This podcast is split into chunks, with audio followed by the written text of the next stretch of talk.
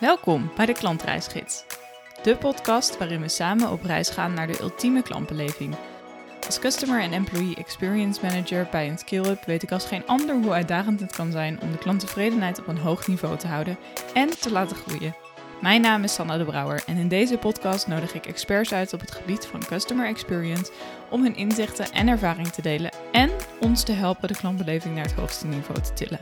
Dus pak je notitieboek erbij en laat je inspireren.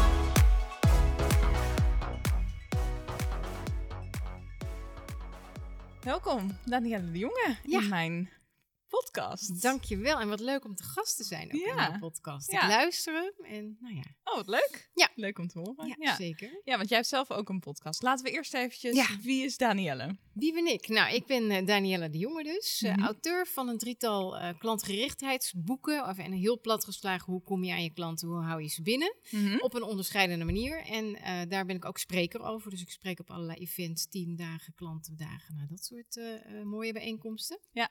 En inderdaad, een eh, podcast voor BNR heb ik 100 afleveringen van de klantenpodcast gemaakt. Mhm. Nu eh, is het even pauze van de 100 afleveringen. Dacht ik, nou, het kan anders, kan weer nieuw format. Dat was net voor Ja. de zomer zo'n beetje afgerond. En eh, nu aan het nadenken over wat en hoe en wat ga ik ermee doen. Ja, top. Ja. Leuk, Ja. leuk. Ehm, als het allemaal goed gaat, dan is deze podcast voor het eerst ook op beeld te zien. Ik Ah, merk dat ik dat nu net achter een plant zit, dus die ga ik nog eventjes eh, ergens anders neerzetten. Kijk. Zodat mensen mijn gezicht dan kunnen Ja, zien. dat is wel zo leuk, hè? ja. Ehm, en waar is jouw klantreis eigenlijk begonnen? Waar ben jij, wanneer ben je in aanraking gekomen met het concept klantgerichtheid? Nou, dat was ehm, even, even heel ver, nou heel ver terug, als ik heel oud ben. Ik heb bedrijfseconomie gestudeerd. Toen dacht ik, hmm, met al die cijfers heel nuttig, maar dat is hem niet voor mij. En daar mijn werk in te gaan doen. Mhm. Dus ik ben meteen commerciële functie eh, ingestapt. En dat was een binnen-buitendienstfunctie. Eh, en dan leer je dus al heel snel van, ja, wat moet ik met mijn klanten? En telefonisch is weer anders dan. Nou, dus zo begon dat. Ja. Eh, toen ik daar weg ben gegaan, kwam ik in het uitzendvak terecht. Dus met detachering en, en eh, werving en selectie. Mhm. En wat ik daar heel. De, twee dingen zijn daarin heel belangrijk geweest. Enerzijds, hoe ga je om met klanten? Want je hebt klanten, zeg maar, de uitzendkracht of degene die een baan zoekt. Maar je hebt ook de managers en de directeuren van het bedrijf. En dat is echt wel anders. Zijn Mhm. allebei klanten. Dacht ik, oh, hier kun je echt hele verschillende dingen in. Ehm, daar werd ik ontzettend veel getraind op respectsvaardigheden, op nou ja, alles wat je nodig hebt. Ja. Toen dacht ik, dat is gaaf. Als je mensen kunt helpen Ja. met hoe ontwikkel je nou jouw klantgerichtheidsvaardigheden en jouw gespreksvaardigheden en al dat soort dingen. Dus dat ben ik uiteindelijk eh, bijna twintig jaar geleden alweer zelf ook gaan doen. Eerst nog even bij een trainingsbureau, maar daarna ehm, voor mezelf begonnen. Ja. En dat heeft wel een hoge vlucht genomen in hoe denk je over klantgerichtheid. Want dan moet je ineens wel een eigen idee hebben en een eigen visie en een gedachtegoed. En nou ja, zo ontstonden blogs, boeken en afijn, we zitten hier. dat is precies. de korte versie. De ja, korte dus, versie, ja. ja. Ja. En waar ik dus mijn podcast heel erg richt op eigenlijk klantenservice, Ja. zit jij meer op de eh, sales en nou, niet per se helemaal sales, maar wat meer. Ja, Ja, nou ook wel. Ja, dat zit er zeker soms ook wel aan. Inderdaad, Mhm. hoe kom je aan je klant is natuurlijk gewoon acquisitie. Dat kan op allerlei manieren. Ik werk veel voor zakelijke dienstverleners. Mhm. Ja, die hoeven geen harde sales te gaan doen. Daar worden Nee. ze doodongelukkig van. En meestal, en, en de klanten past dat ook niet helemaal. Ehm, dus klantgerichtheid is wel altijd de kern van lezingen ook. Dat gaat echt over hoe onderscheid je je in klantgerichtheid. Ja. Wat moet je vooral wel en niet doen tegenwoordig en, Mhm. en dat. Maar het mooie inderdaad, wat dan aanvullend is, is ook hoe haal je nou meer uit je netwerk. En dan zit je alweer veel meer op het, het verkoopvak. Of Ja. als je in gesprek zit, hoe voer je dan een ander gesprek dan al die anderen? Zodat Ja. de klant, potentiële klant denkt, oh wacht eens even, jij bent echt anders. Dus dit onderscheidende, dat is ook wel wat je terugziet in mijn boeken. Dat is wel echt iets waar ik heel sterk op focus. Voor vriendelijk zijn, top, belangrijk. Maar daar ga je het niet mee winnen. Nee, precies. Je moet echt die aandacht kunnen Ja, trekken van de klant. En eh, de Ja. klant echt als individueel ook eh, behandelen. Zeker. Al Ja. heb je duizenden en of nog veel meer klanten, dan nog kun je dat wel enigszins personaliseren. Ja, Dus ook voor klantenservice teams Ja. spreek ik soms. Dan denk je, wat kun jij nou doen zodat de klant echt denkt van, hé, ik ben Ja. hier niet nummertje 91.468 Nee. bijvoorbeeld, Ja, maar iets, ik ben een mens. ja, precies. Ja. Top. Ja. Leuk. zeker. Ehm, in mijn podcast heb ik ook altijd een paar stellingen. Dus laten we daar maar eens mee beginnen. ben er Eh, klaar voor. Daar kun je het eens of oneens mee zijn. Ja. En eh, dan ben ik natuurlijk benieuwd waarom. Ehm, stelling 1. Klantenservice medewerkers moeten worden getraind in de kunst van het verhalen vertellen om klanten effectief te betrekken en te helpen. Oh, daar ben ik het mee eens. Ja? Verhalen vertellen, ja. Ja. Ja, en, en hoe dan? Want ik las natuurlijk in jouw boek dat je heel erg eh, ja, die storytelling eigenlijk mee moet nemen, inderdaad. In, eh, in klanten aandacht geven en aantrekken en behouden. Maar hoe doe je dat dan in klantenservice? Ja, nou wat, wat veel mensen gewend zijn, is als ze iets uitleggen, is omdat ik zeg maar even altijd in een soort bullet points uitleggen. Van nou, we gaan eerst dit doen, dan doen we dat, dan doen we zus, dan doen we zo. Dat. Mhm, Ja. Dat is duidelijk. Procedure kan je ook op een, eh, op een papier schrijven hè, of op een e-mail. Ehm, maar dat, dat neemt iemand nog niet mee in de beleving van oké, dit gaat er gebeuren. En, ma- mag ik het schetsen met een voorbeeld? Een Zeker, totaal heel voorbeeld. Gebruiken we ook wel eens in presentaties. Ehm, een restaurant in Tilburg, Sarban heet het. Mhm. En dat is een Afghaans restaurant. En de eerste keer dat ik daar kwam, nou dan, ik ken de Afghaanse keuken niet. Dus ik dacht, doe maar zo'n van alles wat menu. Ja. Weet je wel, zo'n, zo, nou dat doe je dan. Dus dan normaal gesproken, hoe gaat dat als je dat bestelt? Dan komen die bakjes op tafel en dan zegt zo'n serveerster of serveerder, nou dat zijn dus de rijst met worteltjes en doppertjes. Dit is tomaat met aubergine. Dat is, hè, dat is een beetje hoe het gaat. En wat Ja. ze daar doen, is dat de eigenaar van het restaurant, die pakt een stoel als alles is uitgeserveerd en die komt bij je aan tafel zitten. Dat je echt ook heel even denkt, wat is dit? Ja. Dat je mijn, mijn personal space, ik zit hier gezellig bij, maar, maar heel vrolijk iemand en die begint te vertellen. Deze rijst met doppertjes en worteltjes, die serveren wij in Afghanistan alleen maar op feestdagen. En dan staan onze vrouwen de hele dag in de keuken en dan ruikt het hele huis naar de kruiden en de groenten. En, dus hij maakt er al een beetje een verhaal van. Ja. En, en deze aubergine met tomaat, op elke straathoek wordt die verkocht. Overal staan kraampjes en dan pak je dat gewoon tussendoor. En dus hij gaat niet koud opzommen, nou, dus tomaat en aubergine. Nee. Maar hij geeft er een heel kleurrijk beeld bij. Ja. En nog nooit in Afghanistan Nee. geweest. Is ook niet helemaal mijn idee om daar naartoe te gaan. Maar Nee. hè, snap je? Je, je Ja. ziet dat een beetje voor je. Van, oh ja, die vrouwen die staan aan die groenten te snijden. Altijd die vrouwen. Dat dan weer wel. Maar, en op elke straathoek kraampjes en geuren. In. Dus die kunst van iets wat, wat ja, gewoon rijst met doppertjes. Ja. Om dat mooier te maken. Dat kan iedereen, ook als je computerprogramma's verkoopt. Ja. Of je kan ook zeggen, nou, wat we gaan doen is, u krijgt een bevestiging per mail van dit. Vervolgens gaan we het in gang zetten. Dan ontvangt u het programma en dan, ik noem maar even, hè, dus Ja. gewoon die opsomming. Ja. Ik kan ook zeggen, nou, wat ik ga doen. Mijn collega Sjors, die gaat ervoor zorgen dat we precies weten wat voor u van belangrijk is. En hij belt u even dan en dan. En Mhm. nou, Sjors en zijn team gaan. Dus voor- je maakt het al veel meer beeldend. Dat iemand snapt van, oké, er is iemand en die gaat mij aan de hand meenemen. Ja. Ehm, dus dat werkt wel heel goed als Ja. je echt omschrijft wat kan iemand verwachten. Want in je hersenen gebeurt dan iets waardoor jij meeloopt en je ziet George voor je. Ik noem maar even, hè? Ja. Dat idee. En jij weet dus van, oké, ze gaan dit voor mij uitzoeken en dan krijg ik dat nog op de mail. En Ja. ze willen die. Dus, dus Ja. het eh, vraagt iets meer tekst. Ja. En iets meer inlevingsvermogen. Maar het vertellen wat er gaat gebeuren, zodat iemand snapt: oké, dit is het. Mhm. Dat werkt. En dat is voor een klantservice, ook overigens al eerder in het traject, maar zeker ook voor een klantservice wel heel een hele waardevolle eh, vaardigheid om te hebben. En het kost echt niet zo super veel meer tijd in een gesprek. Nee, precies. Nee. Nee. Dus je neemt iemand echt eigenlijk mee op reis. En dat, Ja. dat doe je door visueel Ja. eigenlijk alles te schetsen. Precies. zodat een klant dat visueel kan in zijn hoofd kan vormen eigenlijk. Ja, Ja. dat is Ja. het. Je wil dat iemand het echt voor zich ziet en al doorleeft van, oh ja, Ja. zo werkt dat dan. En is het dan ook handig om als een klant, nou ja, bij ons bijvoorbeeld zegt: eh, help me laadpunt, het doet het niet en ik moet eh, morgen vlucht halen en eh, paniek. Dat, Ja. je, dat je dat eigenlijk ook weer meeneemt en erkent in het Ja. gesprek. En zo, sowieso denk ik, als iemand in paniek is, dan, dan wil je iemand al geruststellen. Of, en, het ook, en iedereen Ja. kent wel de paniek van, oh, ik moet ergens op tijd zijn, maar het lukt niet. Hè, Ja. Wat dan ook. Ja, Daar heb je al begrip voor. Ja, wat vervelend. Ja. En, hè, want ik snap het, vliegtuig. En hè, je moet natuurlijk nog heel die, eh, die eh, hal door bij Schiphol. Om, weet Ja. je, dat zijn ook al kleine dingen, zodat iemand denkt van, oh, je snapt echt wat ik bedoel. Want ik Ja. moet wel van P3 naar de ja incheckbalie of ja, zoiets. precies. Dat- ja, ja. dus, en, en, maar dat vraagt enerzijds natuurlijk het begrip hebben, maar Mhm. ook snappen van ja, wat is nu voor deze persoon van belang? Ja. En vervolgens zeggen, oké, die laadpaal die staat bij u voor de deur. Ja. Nou, wat we gaan doen, gaat u rustig een kopje koffie drinken binnen en dan ga ik dat en dat voor u doen, bel u met een uurtje terug. precies. Ja, ja, Dan voel je al bijna dat zo iemand rustiger wordt van Ja. oké, ik ga koffie zetten en het wordt opgelost. Hè? Ja. Het, het, dat. precies. Ja. Ja. In plaats van alleen maar zeggen, nou, ik ga mijn collega bellen, we zetten het in gang en u hoort zo snel mogelijk van. Ja, nee, precies. Het Ja. effect is, of het resultaat is hetzelfde. Ja. Maar het effect op de klant die denkt, oh, Schiphol, dat is een stuk minder. eh, ja, precies. Ja, Paniek. ja, Ja. ja. Ja, tof.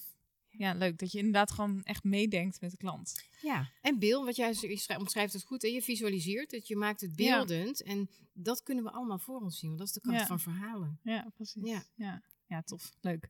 Ehm, stelling 2. Klanten zijn meer geneigd te blijven bij bedrijven die USP's bieden, die aansluiten bij hun specifieke behoeften.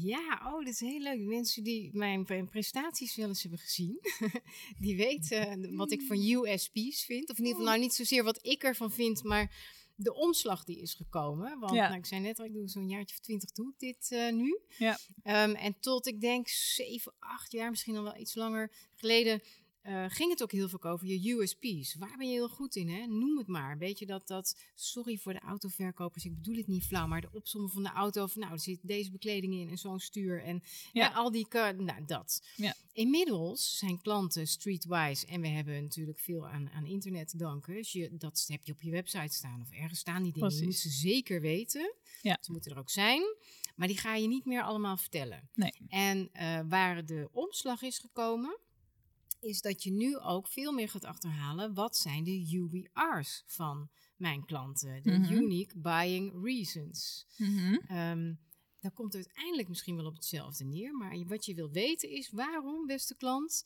wil jij jouw euro's überhaupt aan mij uit gaan geven? Ja. Wat zou nou de reden moeten zijn dat je voor mij gaat kiezen? Dat Mhm. wil je weten. Ja. Als jij gaat vertellen van nou, ik heb eh, een laadpaal en die is ongeveer zo hoog. En er zit een kabel bij en er zitten rode, groene en gele lampjes in. En, hè, ik Precies. heb zo'n Ja. ding ook voor de deur staan. Ja.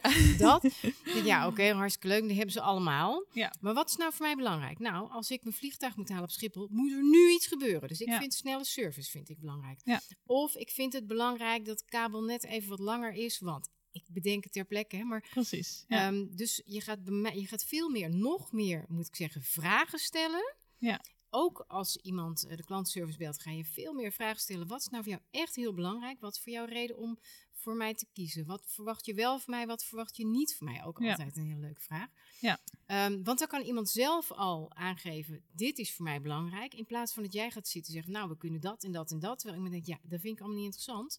Want ik zoek iets anders. Dus je hoeft enerzijds minder hard te werken. Ja. Hè, Want je hoeft niet te raden wat iemand wil. Mhm. Plus, op het moment dat iemand zegt, nou, ik vind dus heel belangrijk dat, dan kan jij zeggen, want dat is toevallig een USP die je dan ook weer hebt. Ja. Nou, het is hartstikke goed dat u dat zegt. Hoe wij dat doen is zo en zo en zo. Ja. Dus je USP's, die heb je, die weet je ook, maar je gaat ze niet als een soort emmertje leeg storten Nee. over iemand en maar kijken wat iemand interessant vindt. Ja, precies. Ja. Dus die vragen stel je. Ik noem het altijd de relatiegerichte vragen ook. Mhm. Wat wil je nou eigenlijk van mij? Waarom, en wil ik dan ook met jou samenwerken? Kan ik wel bieden wat je wil, hè? Want dat is dan natuurlijk de volgende stap die je hebt. Ja. Maar even, wat wil jij nu van mij, beste klant? Ja, Hoe kan ik jou het meest gelukkig maken? Ja. Ja, dus in plaats van de unique selling points, dus de USP's, eh, moeten we eigenlijk wat meer naar de UBR's, de Ja. unique buying reasons. Ja, En dat doe je dus eigenlijk door meer te luisteren naar de klant, beter te luisteren en andere vragen te stellen. andere Ja. vragen stellen. Dus ook de vraag achter de vraag. Dus ook te kijken van oké, maar de klant wil eigenlijk dit, maar als we dit doen, bereiken we dat niet hetzelfde, zeg maar. Dus echt, echt achterhalen wat nou die behoefte is van de Ja, klant. ja. Ehm, in plaats van dat we gewoon uitstorten. Ja. Dit is, dit is wat wij onderscheidend vinden in plaats van. Precies. Ja. Ja. en dat wat, wat veel mensen wel gewend zijn, of waarvan ze denken van ja, als ik maar vertel wat ik allemaal kan, of hoe wij het doen, of ons product, of Mhm.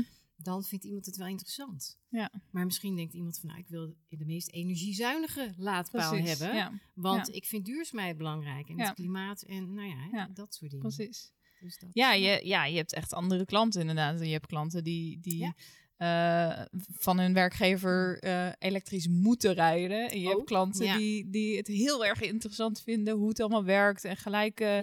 heel technisch zijn en gelijk alles erop willen aansluiten. En Ja. een home assistant en dat soort dingen. Ja, ja, ja, Ja, dan, eh, dat dat, dat is ja. echt een heel ander Ja. eh, type wat je dan eigenlijk aan de telefoon hebt, inderdaad. Als je dat al weet te achterhalen in zo'n gesprek, dan kun je daarop inhaken. Ja. En technisch zit het dan en zo. Of qua Ja. duurzaamheid zit het zo en zo en zo. Ja, precies. Ja, ja, dus ja. dat, eh, maar het zijn net een paar andere vragen die je dan stelt, die niet alleen maar over de inhoud gaan.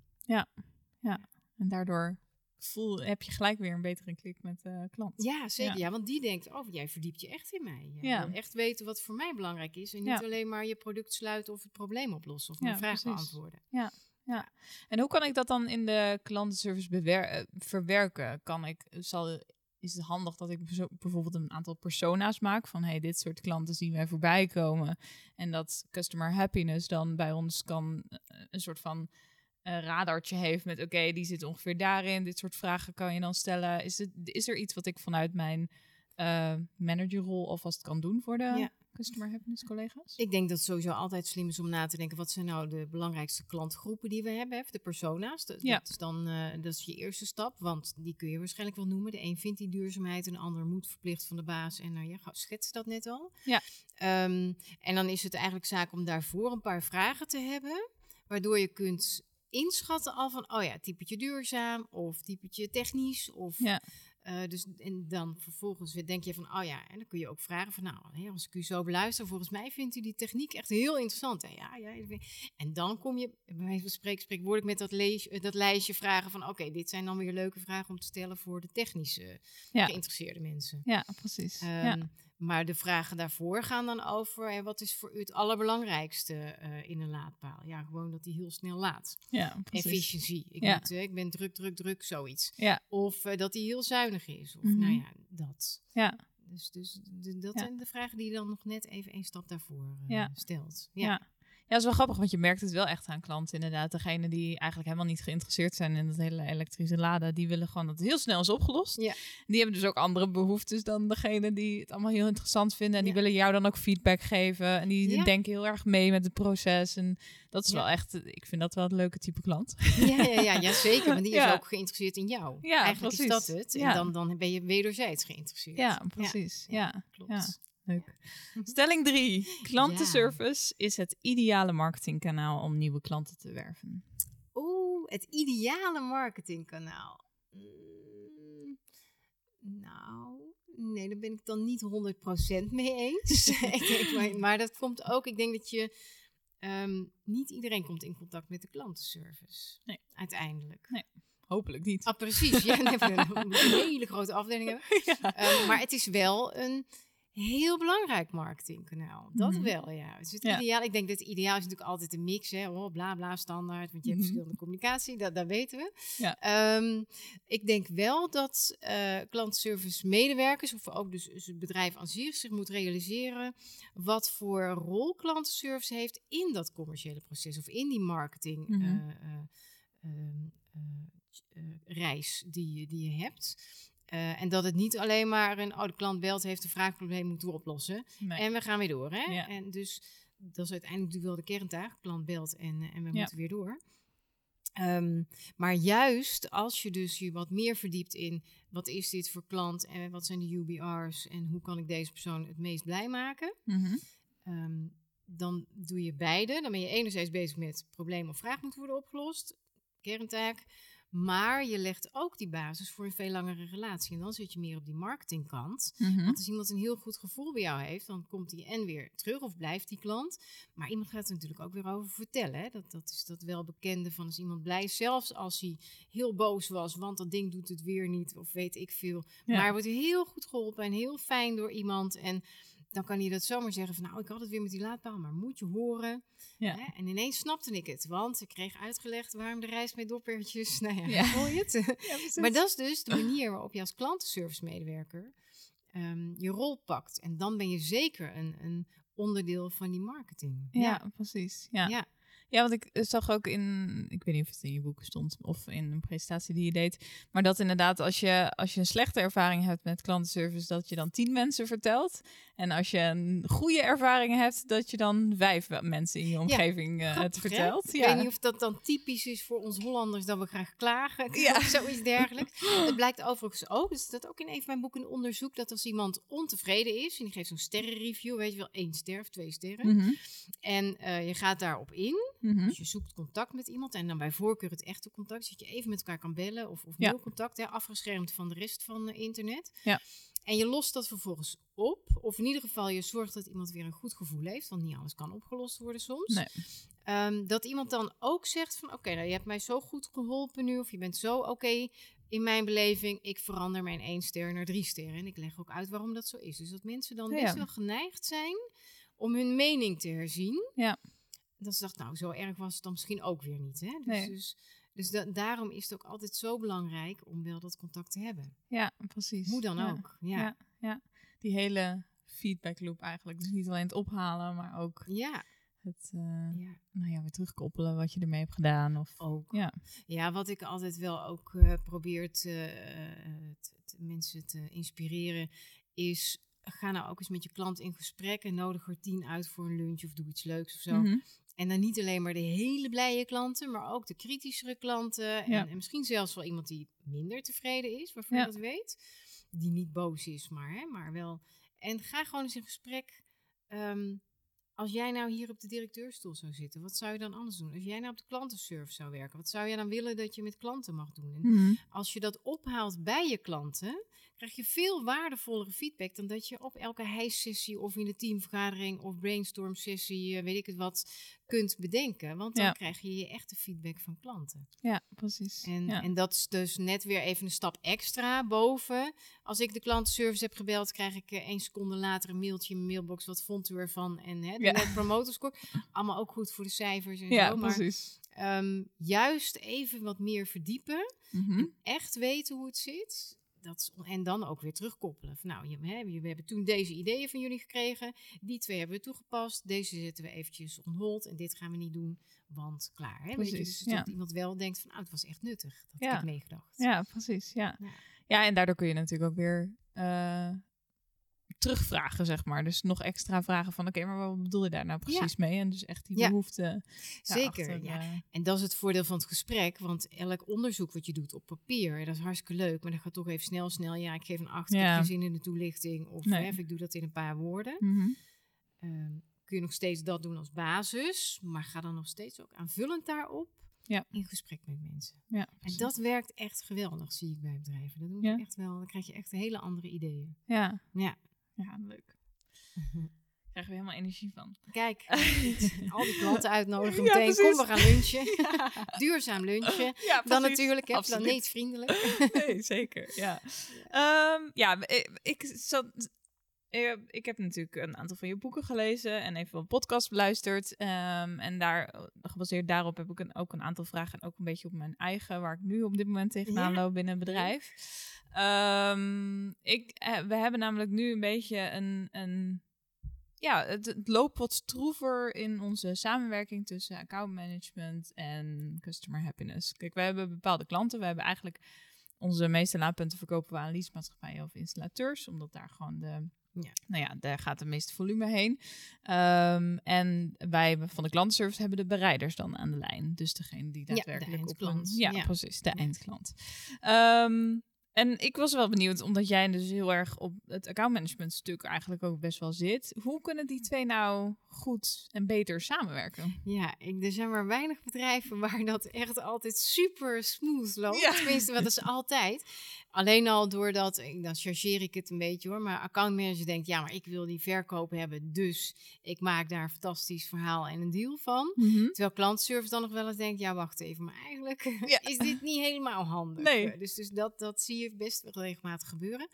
Ja, wat, wat, dat is even heel erg out of box denken. Wat heel leuk werkt, is als account management, of de account managers moet ik dan zeggen, gewoon eens eh, allemaal een keer een dagje meedraaien op de klantservice. Gewoon, hop, ga maar bellen, ga maar klanten te woord staan. Ja, Dat is de meest leuke manier ook om dat te doen. Andersom, neem klantenservice eens mee naar een gesprek. Of laat ze eens Ja. meeluisteren met telefoongesprek. Of, zodat je ten eerste al daar begint het begrip hebt voor jij in welke situatie zit die ander nou. Want je bent Ja. allemaal onderdeel van dat proces. Mhm.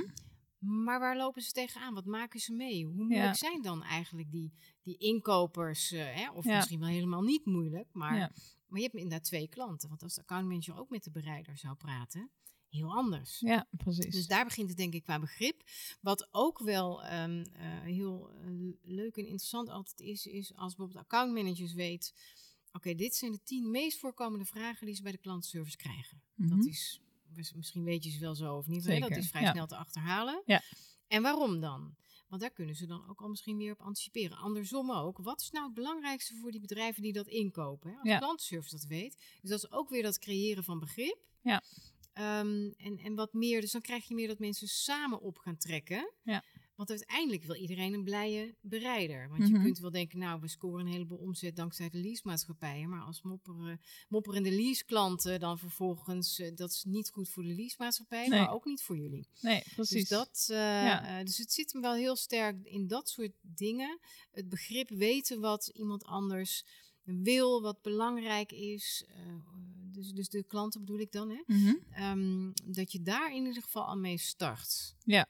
Ja. En ehm, dan haal je al een heel deel weg van het onbegrip. Of dan weet iemand van accountmanager al van ja, als ik dit zeg, dan is de kans best aanwezig dat dat, dat gedoe op gaat leveren. Ja. Dat wil ik niet. Ja, precies. En op de klantenservice hoeven ze niet te, te mopperen, bij wijze van spreken. van, Ja, oh, ze hebben het weer gedaan hoor. Mhm. Hè, nu zitten we er weer mee. Ja, ja. Iemand heeft andere verwachtingen. En je kunt dat natuurlijk ook wel, maar dan ga je weer een stap verder in marketing. Mhm. Ehm, eh, naar klanten toe, naar bereiders bijvoorbeeld. Of misschien heb je dat ook wel met, met leuke visuals of met animatiefilmpjes. Wat gaat er gebeuren? Is ook weer storytelling Ja. trouwens. Ja. Ehm, eh, dus, dus dat mensen meer snappen van wat is nou het proces?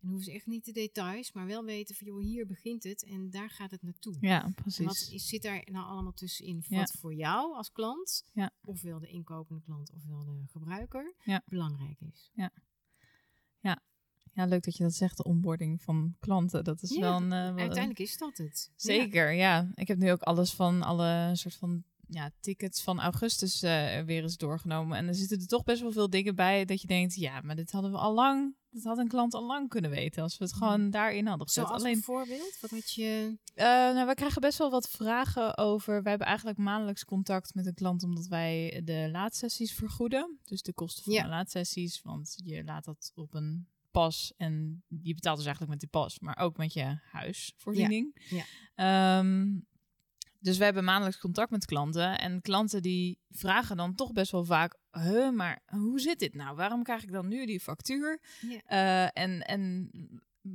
waarom krijg ik dit pas anderhalve maand later? Want wij moeten het natuurlijk weer ophalen bij alle andere partijen. Tuurlijk, ja. Dus, dus daar kun je best wel goed een filmpje over maken van dit is hoe het Bijvoorbeeld. zit. Ja. Want we zetten het wel in de mails, alleen klanten lezen niet. Nee, en dat is met mails inderdaad het nadeel. Mensen scannen zo half en dan ze onthouden er een paar woorden van.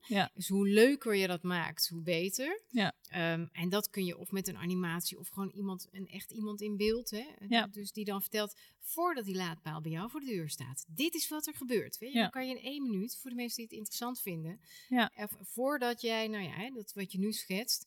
De frequently asked questions eigenlijk. Van sommige kun je best wel iets op een leuke manier ook... eh, eh, Ja, en dan kun je ook weer op social media delen. Van wist je dat, als je bij ons klant bent? Nou, dit doen we allemaal op de Ja. achtergrond. ja, we zaten ook te denken om dat dan te doen. Bijvoorbeeld een aantal weken nadat het laadpunt zeg maar is geïnstalleerd. Dat je dan zegt van, hé, hey, geniet je al van je laadpunt? En dit is wat er nog gaat komen. Ja, dus, eh, heel slim. Ja. ja. dat zie je ook wel eens gebeuren bij webshops. Van nou, je hebt een nieuwe koffiezetter gekocht. En dan inderdaad krijg je een week later van wist je dat dit ook nog eh Ja. met je succes of met je nieuwe smartphone of je smartwatch. Daar kreeg ik het van, geloof ik. Van, Oh ja, van, weet je dat je dit er ook nog mee kunt doen? Of zo bespaar je op je batterij. Of is een beetje hetzelfde, maar niet alles in één keer. Nee. Want dan ben je allemaal nog aan het kijken met die laadpaal, hoe werkt dit? En Ja. Maar inderdaad, als je dat faseert met, nou, na twee weken is iets, na een maand nog eens iets en dan nog Ja. eens een keer iets. Dat je in een paar stappen verdeelt. Ja, precies. En, eh, en, en Ja. ja, en ik, ben, ik geloof heilig in beeld, want lezen is, of misschien in geluid ook, hè, dus niet Mhm. alleen maar beeld, want mensen luisteren natuurlijk nog wel, maar kijken weer niet altijd. ja. Of net andersom met filmpjes. Dus het is Ja. eigenlijk moet je ook daarin een meer sporenbeleid. Ja. Maar alleen maar lezen, dat, ehm, dat is denk ik ook Dat jammer. niet. Nee. En Nee. zeker, tenzij je weer een mailtje doet, alleen maar over één ding. Ja. En dan heel kort met drie bullet points, Precies. Ja. zoiets. Ja. Dan, dan werkt het weer wel Ja. eh, makkelijker. ja, en dan toch, eh, we hebben het inderdaad nu bij de factuur zelf gezet, zeg maar. Dus zij Ja. krijgen dus een creditfactuur en wij hebben daarbij ingezet van dit is hoe het werkt. Ja. Of eh, laatst hadden we een nieuw rekeningnummer dat je dat dan in de factuur zet. We hebben een nieuw rekeningnummer dat je dan toch mensen krijgt. Huh, moet ik het nu overmaken naar daar? Je Ja, dan echt zoiets ja. hebt van, we hebben het er toch ingezet. Zo moeilijk is het niet. Nee, nee, dus dat is dan misschien ook wel een woordkeuze hoor. Let op, Ja. maak het nu over naar. In plaats van let Ja, op, we hebben een nieuw rekeningnummer. ja, Ja, ja. het, is- het Ja. klinkt heel simpel eigenlijk, Mhm. maar blijkbaar is dat dan nodig. Ja, precies. Ja, Ja. ja. lees er echt overheen. Ja. Ehm, nou, we hebben het eigenlijk al gehad over hoe je de UBR's dan kan verwerken in de klantenservice. Ja. Ehm, ja, ik eh, vroeg me nog wel even af, want eh, ik merk nu dat ik zelf heel veel dingen aan het analyseren ben. Ehm, en dat ik dus zelf eh, kijk naar alle klantfeedback en dat soort dingen. Mhm. Maar hoe kan ik er nou voor zorgen dat de collega's, want zij zijn met veel meer dan dat ik alleen ben, eh, ook luisteren naar die klantfeedback en dat opslaan en zorgen dat dat op, ja, eigenlijk op één stapel terechtkomt. Of dat zij ja, goed, goed, goed luisteren naar de klant eigenlijk. Dus dan bedoel je niet, jij hebt de, de totaalresultaten die je deelt met het team, maar je wil dat ze zelf ook. eh, Ja, dat zij zelf ook, ja, precies. Dat zij zelf ook betrokken worden bij dat hele proces. Zodat, ja, ik denk ook om, om hen eigenlijk te betrekken. En zodat zij ook, als zij dingen horen van een klant, dat ze dan actie ondernemen. Ja, want dat gebeurt nu te weinig. Ja. Ja. Ehm, misschien is het, eh, ik neem aan dat je de resultaten ook deelt met, eh, met het team wat eruit. Misschien is daar heb ik. Sorry, ik Het knik goed nee. dat we nu op beeld nee, dit ja. ook hebben. Ja. nou, maar dat, want dat is denk ik, dan zit je ook weer op begrip en betrokkenheid, Ja. net als met accountmanagement en klantenservice. Ja, dat is wel waar. Ja. Ehm, het is ook heel leuk om te weten waar zijn onze klanten blij mee van onze afdeling. Wat vinden ze helemaal niet zo leuk en, wat zit er Nee. tussenin. En dan niet zo'n heel rapport, maar elke maand de drie eh, cijfers van. Of de drie meest, Ja. nou ik noem maar, hè, zoiets. Hè. Kun je Ja. ook weer leuk visualiseren, één keer een formatje en dan heeft iedereen dat. Misschien Ja. kan je het wel ergens ophangen, lekker old school, maar dan is het wel te ja, zien. precies. Ja. Ja. Ehm, dat zou ik sowieso doen. Want Ja. dan weten mensen ook van... hé, hey, dat is een ding. Dat hoorde ik laatst ook. Weet je, zo gaat dat dan vaak. Ja. Ehm, en, dan, en je kunt er natuurlijk gericht naar vragen... van, joh, willen jullie deze maand letten op je signalen hoort over... Nou, Ja. bedenk maar een onderwerp. Hè? Ja. Dan kun je dat zo elke keer eh, veranderen. Ja. Ehm, en de, dus dan, dan pak je het even heel breed voor de hele afdeling. Ja.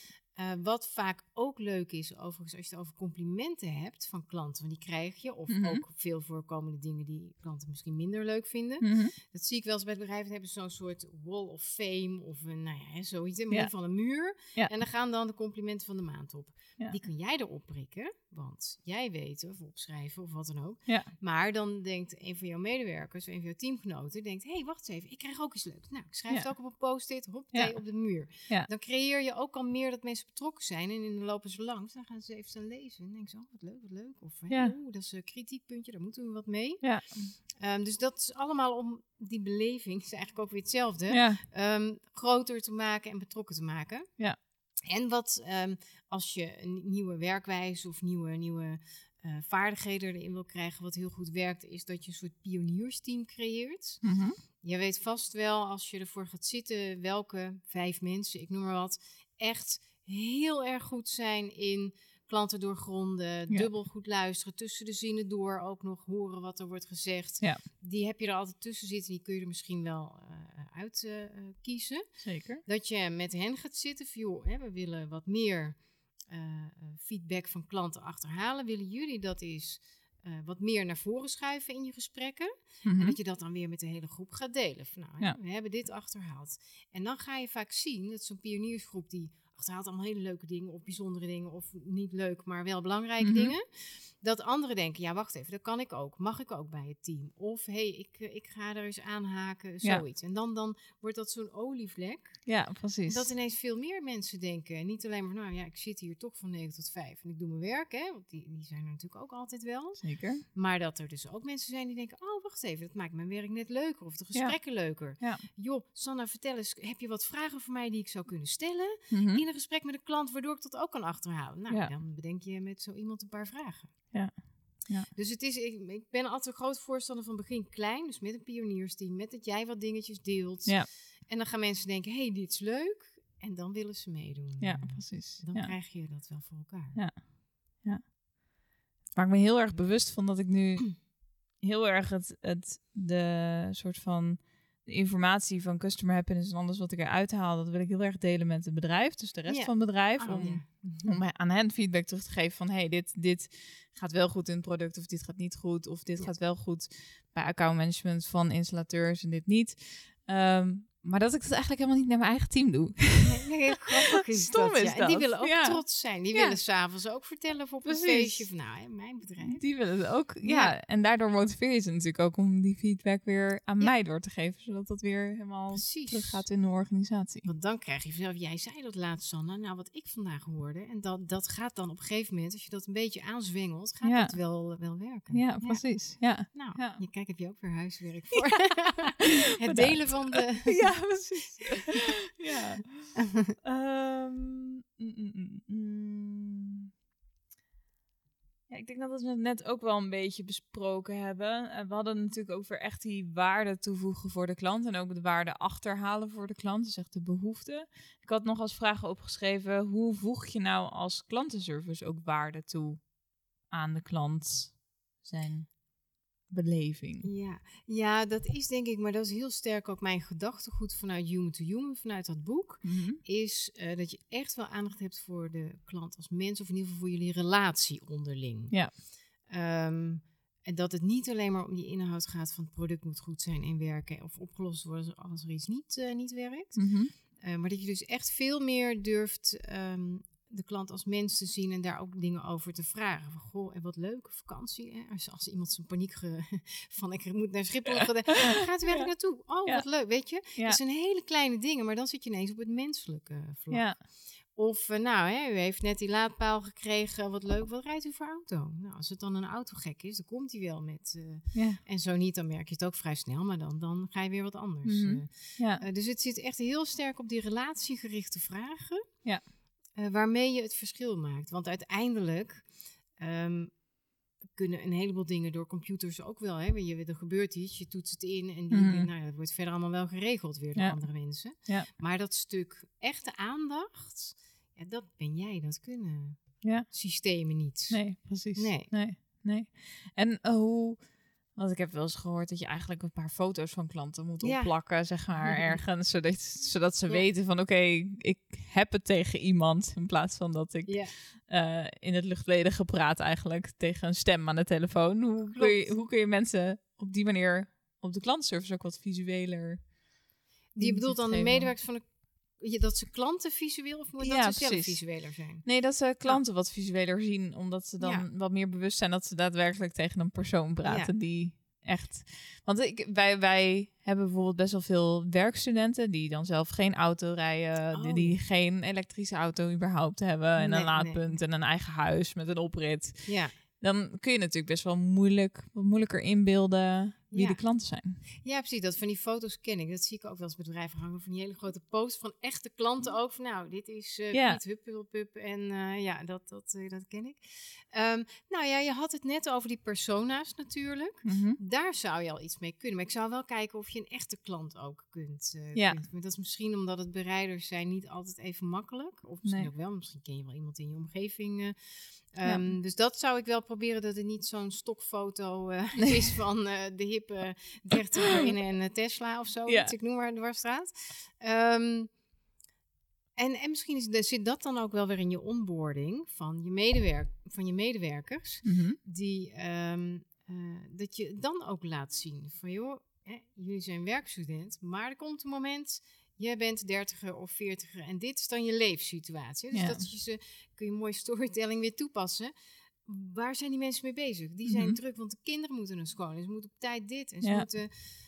Ja. Ook al kunnen ze zich daar misschien niks bij voorstellen, maar dat al weten van, oh ja, Ja. er zijn mensen die zijn daarmee bezig en niet met, jee, het is vijf uur, kom we gaan een biertje pakken in de stad of Nee, zo. precies. Die, hebben daar geen tijd voor uh, meestal. Nee. Ehm, dus, dus wat meer uitleg over hoe leeft zo'n klant Mhm. eigenlijk. Ja. Dan, eh, dan is het niet alleen maar meer de klantreis, maar krijg je ook wat meer beeld bij. Ja, wat, wat zijn het dan Ja. voor mensen? Ja. En je zit weer, waar we het eerder net even over hadden, nodig gewoon eens wat klanten uit. Mhm. Kan Ja. je best eens proberen of je teambereiders kunt vinden. Die zijn te vinden natuurlijk, makkelijk. Maar Absoluut. die dan ook willen komen. En dan loop je een rondje over de afdeling. Ja. Dit zijn nou de mensen die hier werken. En dan geef je links en rechts een handje. En dan zien jouw medewerkers ook weer van... Oké, dus dit zijn eigenlijk ook maar gewoon mensen. Leuke, aardige mensen. Ja, precies. Ja. Ja. Ja. ja. en ze dan misschien ook gelijk vragen om even een filmpje op te nemen waarom, waarom je wel of niet tevreden bent over Blue Current. En dat we dan dat weer in de onboarding weer kunnen gebruiken. Ja, dat is hartstikke Ja, leuk. Ja. ja. En die kun je wel vinden. Je hebt zoveel klant, eindklanten. Dus Ja. dat, eh, Ja, absoluut. ja, zeker. Ja. Ja. Ja. Waarschijnlijk vind je ze al als je een keer getagd wordt of zo op social media. Mhm. Dan kun je hier natuurlijk eh, ook weer een collega naar vragen. En dat je die dan gaat benaderen, die mensen of zo. Ja, precies. Ja, Ja. Ja. ja. tof. Ehm, in elke aflevering heb ik het ook eventjes over een trend binnen klantenservice. Ah, En ehm, eh, maar volgens mij hebben we deze trend al lang helemaal nu uitgeplozen met alles wat we nu al hebben gezegd. Maar ehm, wat, wat je nu steeds meer ziet in klantenservice is echt die empathie en die emotionele intelligentie eigenlijk van Ja. de klantenservice. Dus ja, wat jij eigenlijk zegt, human to human. Ja. Eh, echt, echt dat op één lijn zitten ehm, met de klant. ja. Dus eh, wel fijn dat dat ook een trend is tegenwoordig. Ja, nou, ik denk dat het ook steeds meer wordt. Maar goed, ik, ik verdiep me niet tot in detail in alles wat er allemaal kan de laatste tijd qua Mhm. AI en dat soort dingen. Wat ik wel ehm, eh, op LinkedIn kwam ik dat tegen. Dat was een eh, gesprek tussen een klantenservice verkoopmedewerker en een potentiële klant. Iemand had op internet gekeken, toevallig naar een auto was dat dan ook. Maar weer een beetje jouw eh, eh, aanverwante branche. Ehm, en die verkoopmedewerker zei, nou, ik zie dat u die auto heeft bekeken en u heeft dat en dat. Wat vond u ervan? Die klant geeft antwoord. En toen op een gegeven moment werd in dat filmpje duidelijk dat die verkoopmedewerker een computer was. Ah, dat was niet te horen aan de stem. En hij ging ook echt in op de, vraag, of op de antwoorden. Maar wat je merkte is dan wel, die klant geeft antwoord. Nou, ik vind dat en dat en dat. Eén seconde te lang stil eigenlijk, hè, wat je normaal gesproken... Ja. Dus dan ging dat ding waarschijnlijk heel snel zoeken naar... Ik moet die... Maar dat was, nou, ik dacht ik echt, ik moet dit nog een keer kijken. Dat was, dat was dus echt gewoon een echt verkoopgesprek. Dus voor standaard vragen ga je dat... eh, hè, en als het, waarschijnlijk gaat het er dan naartoe dat als zo'n computer het niet meer weet... Mhm. Dan, oké, ik verbind u door met mijn collega... en dan komt er ineens een echt iemand aan de Ja. telefoon. hè? Ja. En toen dacht ik, ja, maar dus dat soort gewoon standaard gesprekken tussen aanhalingstekens, dat gaat misschien wel gewoon worden overgenomen door. Ja. Gewoon, en dat mag je dan ook misschien wel weten op een gegeven moment. Hè? Van, nou, u, u heeft geen chatbot. Nee, u praat Nee, gewoon met onze computer. ja. En die kan het ook een stuk beter dan de gemiddelde chatbot. Precies. Ehm, maar wordt het heel moeilijk, dan kom je wel bij een echt mens eh, Ja. uit. Hè? Ja. Nu, nu nog wel. Ja, precies. snel dat niet meer. En toen dacht ik van ja, hier zie je dus heel goed dat al die basisdingen, dat kunnen die computer straks. Mhm. Teksten laat je schrijven door ChatGPT, maar je kijkt er wel even zelf naar. Is dit mijn stijl? Vind ik het leuk genoeg? Onderschrijf dat. Ja. Dus de standaardgesprekken, dat doet misschien over een tijdje computer wel. Maar gaat Mhm. het echt over aandacht? Ja, dan kom je dus bij die emotionele intelligentie en empathie. En dan ben je als mens, in mijn beleving, nog heel erg hard nodig. Ja, We zullen zien hoe zich dat ontwikkelt. Maar ik vond dat fascinerend en ook wel schokkend. Ik dacht, ik had het gewoon niet in de gaten dat dit geen mens was. Nee, bizar. Ja. Ja. zo echt. Maar ik weet niet, Ja. het een heel ander eh, eh, iets. Maar je hebt luisterboeken. Jij luistert ook boeken. Vertelde je al op Storytel, luister ik. Daar zijn nu ook boeken, Engelstalig nog, ingesproken door dus gewoon Ja. geen echte mensen. Nou, Ja. je hoort het gewoon niet. Nee, dat is bizar, hè? En Ja. dan kan je ook nog kiezen, nou, dit boek wil ik door een vrouw voorgelezen en dit door een man. Dus je kan allemaal kiezen Ja. welke stem je het leukst vindt. Dus ik heb dat zitten luisteren. Ik denk, ja, je hoort gewoon Nee. echt serieus niet dat dit een computer is. Nee. Waarschijnlijk ook als jij, want je hebt heel veel podcasts al gemaakt. Als jij je eigen stem in zo'n programma hè? doet, dan, dan kun, je gewoon, kun je gewoon nog honderd podcasts maken. Maar dan hoef je niet eens. Nee, hoef niks meer. Dan zit ik gewoon lekker een boek te Ja. lezen thuis. maar dat vind ik ook ergens wel heel angstaanjagend, Ja. hoor, dit soort dingen. Want Ja. dat, dat, ja, maar goed, Ja. ja. we zullen zien waar het naartoe gaat. Ja, precies. Ja. Maar dus terug de trend qua empathie. Misschien is die nu nog wel belangrijker. Dat je dat laat merken en niet alleen maar voldoet aan een paar verwachtingen van ik geef antwoord op je vraag. Want Nee. daar ben je straks niet meer voor nodig op Nee. een gegeven moment. Nee, precies. Het zal Nee. echt niet al heel, denk ik, niet heel snel zijn, maar je weet het soms Nee, niet. absoluut. Nee. Dus doe iets extra's waardoor klanten denken, nou, dit vond ik nou echt heel erg Ja. prettig of Ja. belangrijk of zoiets Ja. dergelijks. Ja. Ja. Denk je dan ook dat we gaan zien dat er. Want nu besteden best wel veel bedrijven hun klantenservice uit eh, aan andere partijen. Dat hebben wij. ja, precies.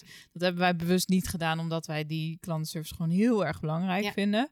Ehm, zal je dan ook zien in de toekomst dat die klantenservice misschien weer teruggaat naar het bedrijf? Omdat.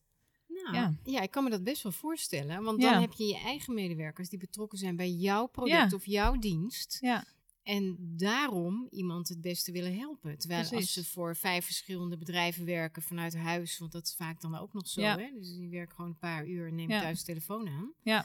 Ja, dan heb je geen binding met zo'n product Nee. of zo'n bedrijf. Dan Nee. werk je gewoon voor je boodschappen, even heel Ja. platgeslagen. Ja. Ehm, dus dat zou heel goed kunnen dat dat voor een aantal eh, eh, soorten producten, branches, zeker wel weer interessant is. Ja, precies. Ja. Want uiteindelijk, dat heb ik ook in een onderzoek gelezen, de telefoon is heel vaak een escalatiekanaal in Mhm. klantenservice. Dus als iemand echt boos is of het echt niet meer weet, nergens een antwoord kan vinden, dan willen ze bellen. Oh ja? Dat is niet altijd zo, maar in, bij sommige bedrijven is dat echt dan dus het uiterste. Ja. ja, dan moet je daar natuurlijk wel iemand hebben zitten die gewoon ook een beetje aardig is en Precies. begrip toont. En Ja. niet alleen maar een scriptje, oh wat vervelend voor u. Volgende vraag. Ja. dat je al hoort van ja, ja. mhm. Ja, nee, precies. Ja. ja. Nee. Ja. Maar zijn er niet ook gewoon bedrijven die hun telefoonnummer echt verstoppen op de Ja. website? En volgens mij is dat Ja. een enorme irritatiefactor Ja, ervoor. Ja, ja. Ja. Soms Ja. wil je ook gewoon bellen. Tenminste, ik ook Ja. nog wel eens. Ja, ja, Ik moet het gewoon even weten. En, Ja. Of wat ik wel prettig vind, is ook de chat. Maar dan moet het niet voor ingewikkelde dingen zijn. Nee, precies. Nee. Als ik inderdaad ook geïrriteerd ben, dan wil ik nu iemand spreken. Ja. Hè, dat, dat. Ja. Ja, precies. Ja. Dus die empathie, Ja. Ik denk, misschien is het wel een trend die exponentieel hard eh, groeit en ook nodig gaat zijn. Ja, absoluut. Ja. Ja. Tof. Hey, ehm, de rode draad in onze podcast is eigenlijk wel echt storytelling geweest. Dus, Ja, maak het beeldend, maak het aantrekkelijk voor klanten. En dan heb je die echte aandacht. Ja, Ja, een verhaaltje ja. dat bij mij past, dat klinkt Ja. bijna als een soort sprookje. Ja, maar, Ja. ja. maar doe dus Ja. meer dan wat iemand verwacht. Dat Ja. denk ik altijd wel... eh, ja. Ja. Daarmee onderscheid je je. Is dat ook je laatste tip voor de luisteraar? Of heb je nog iets waarvan je denkt, dit kan je als luisteraar... Nou, focus niet op inhoud, maar op relatie. Dat hebben we natuurlijk al heel erg gehad. Mhm. Die inhoud, dat zit wel goed. Ja, precies. Dat weten ze ja. wel en dat wordt wel opgelost. Ja. Ja, Ja. dat is denk Ja. ik de belangrijkste moraal van het human-to-human verhaal. Precies, ja. En dan niet alleen met de klant, maar ook met je andere afdelingen binnen je organisatie. Zeker, met je collega's. collega's. Ja, absoluut. Ja. Ja, mooi. Dankjewel, Danielle. jij bedankt. Ja. Leuk gesprek. Wat tof dat je hebt geluisterd naar deze aflevering van de Klantreisgids. Wil je weten wat ik en andere luisteraars zoals jij hebben gedaan met de tips en inspiratie uit deze aflevering? Sluit je dan aan bij de Klantreisgidsgroep op LinkedIn. Dankjewel voor het luisteren en tot de volgende keer.